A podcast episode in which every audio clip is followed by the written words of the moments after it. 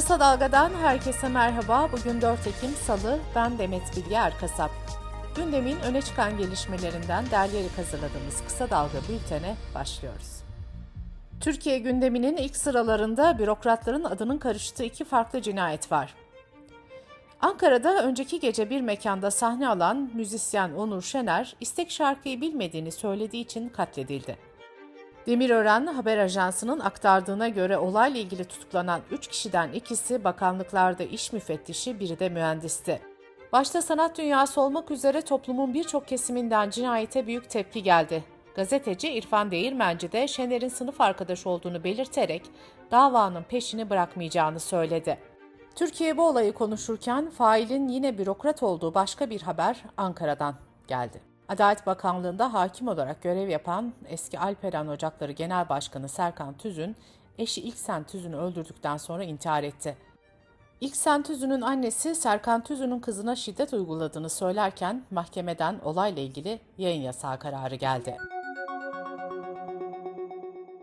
Cumhurbaşkanı Recep Tayyip Erdoğan, Dolmabahçe'de düzenlenen Katılım Finans Strateji Belgesi tanıtım toplantısına katıldı. Erdoğan şunları söyledi. Birileri 8-9 yıldır Türkiye'yi yönetebilir olmaktan çıkarmak için kumpastan darbeye her yolu denediler. Bu sinsi saldırıların son mermisi de ekonomimize sıkıldı ama hesap edilemeyen bir durum ortaya çıktı. Bize kurulan tuzaklara karşı verdiğimiz mücadele bizi daha güçlü kıldı. Güçlendirilmiş parlamenter sistem mutabakat metnine imza atan liderlerin bir araya geldiği altılı masanın ikinci tur ilk görüşmesi dün Kemal Kılıçdaroğlu'nun ev sahipliğinde CHP Genel Merkezi'nde yapılmıştı. Kılıçdaroğlu dün Fox TV yayınına katılarak toplantıda alınan kararlara ilişkin şu bilgileri verdi. Bizi bir araya getiren bizim kendi özel taleplerimiz değil, Türkiye'nin içinde bulunduğu durum. Sokaktaki vatandaş artık nasıl geçineceğini düşünüyor. Altılı masa toplantılarını daha sık yapma yönünde karar aldık. Gerekirse 15 günde 20 günde bir gerçekleştireceğiz. Güçlendirilmiş parlamenter sisteme geçişin yol haritasını konuştuk. İktidar olduğumuzda tarım, milli eğitim, sağlık gibi alanlarda neler yapacağımızı belirliyoruz. Seçimi kazanacağımızdan endişem yok. Bu arada Kılıçdaroğlu ortak adayında seçim takvimi belirlendikten iki gün sonra açıklanacağını belirtti. Sansüre neden olacağı için eleştirilen ve tepki gösterilen dezenformasyon yasa tasarısının bugün meclise gelmesi bekleniyor. Türkiye Gazeteciler Cemiyeti, Türkiye Gazeteciler Sendikası, Türkiye Yazarlar Sendikası, Disk Basın İş, Basın Konseyi, PEN Yazarlar Derneği, Türkiye Yayıncılar Birliği dün İstanbul'da bir araya geldi. Meslek kuruluşları sosyal medya yasa tasarısının geri çekilmesi çağrısını yineledi. Disk Basın İş Genel Başkanı Faruk Eren, seçime giden süreçte susmuş bir medya hedefleniyor dedi. Türkiye Gazeteciler Sendikası ayrıca sansür yasasına karşı imzalanan dilekçeleri mecliste grubu bulunan siyasi partilere iletti.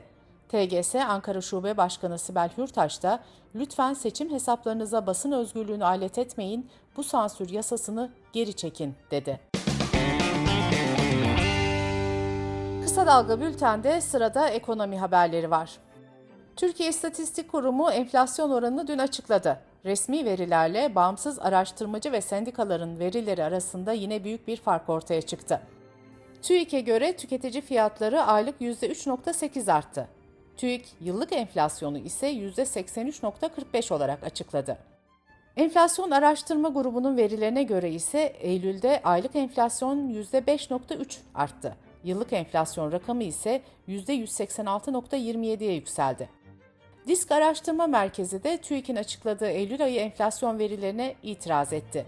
Disk'e göre emeklilerin gıda enflasyonu %118,5. Verilere göre en yoksul %20'lik gelir grubunun enflasyonu ise %137,3 olarak gerçekleşti.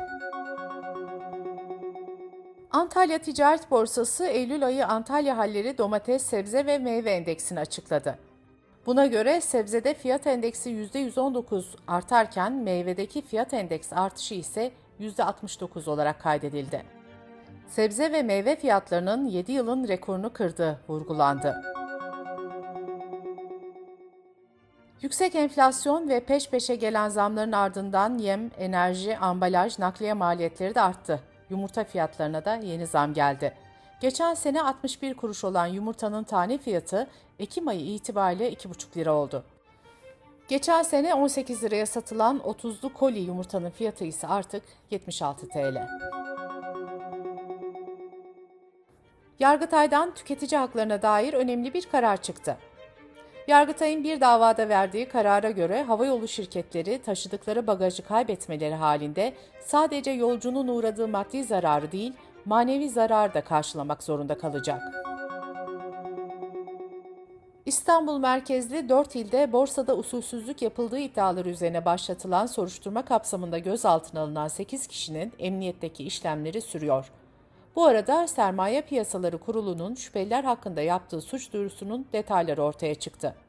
Şüphelilerden MA ve şirketinin 13 Eylül'de 1 trilyon 421 milyar lira işlem yaptığı belirtildi. Raporlara göre şüpheliler arasında akrabalık bağı bulunduğu ve birbirlerine vekalet verdikleri belirlendi. Kamunun uğradığı zararın tam olarak tespitinin mümkün olmadığı vurgulandı. Sanıklar tarafından elde edilen menfaate el konulmasına karar verilmesi talep edildi. Dış politika ve dünyadan gelişmelerle bültenimize devam ediyoruz. İran'da ahlak polisi tarafından gözaltına alınan Mahsa Amini'nin ölümünü protesto edenler 20 gündür sokaklarda.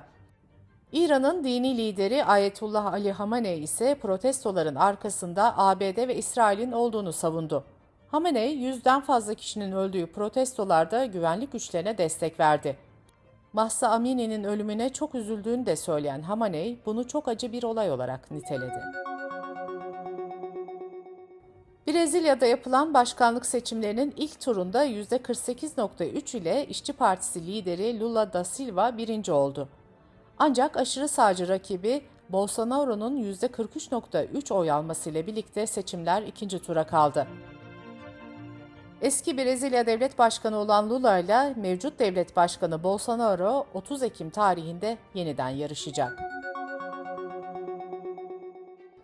Rusya'ya yönelik ağır yaptırımların ardından Avrupa'da enerji krizi şiddetlenirken Belçika'nın başkenti Brüksel'de lokantalar mum ışığında servis yapmaya başladı. Belçika'nın Valon bölge yönetimi ise artan enerji fiyatlarına karşı alınan tasarruf tedbirleri kapsamında enerji tüketimini azaltmak için yerel saatte 22 ile sabah 5 arasında otoyol aydınlatmalarını söndürecek. Bültenimizi kısa dalgadan bir öneriyle bitiriyoruz. Gazeteci İbrahim Ekinci, marjinal faydada her hafta küresel ve ulusal ekonomide olup bitenleri anlatıyor. Marjinal faydayı kısa dalga.net adresimizden ve podcast platformlarından dinleyebilirsiniz. Gözünüz kulağınız bizde olsun. Kısa Dalga Medya.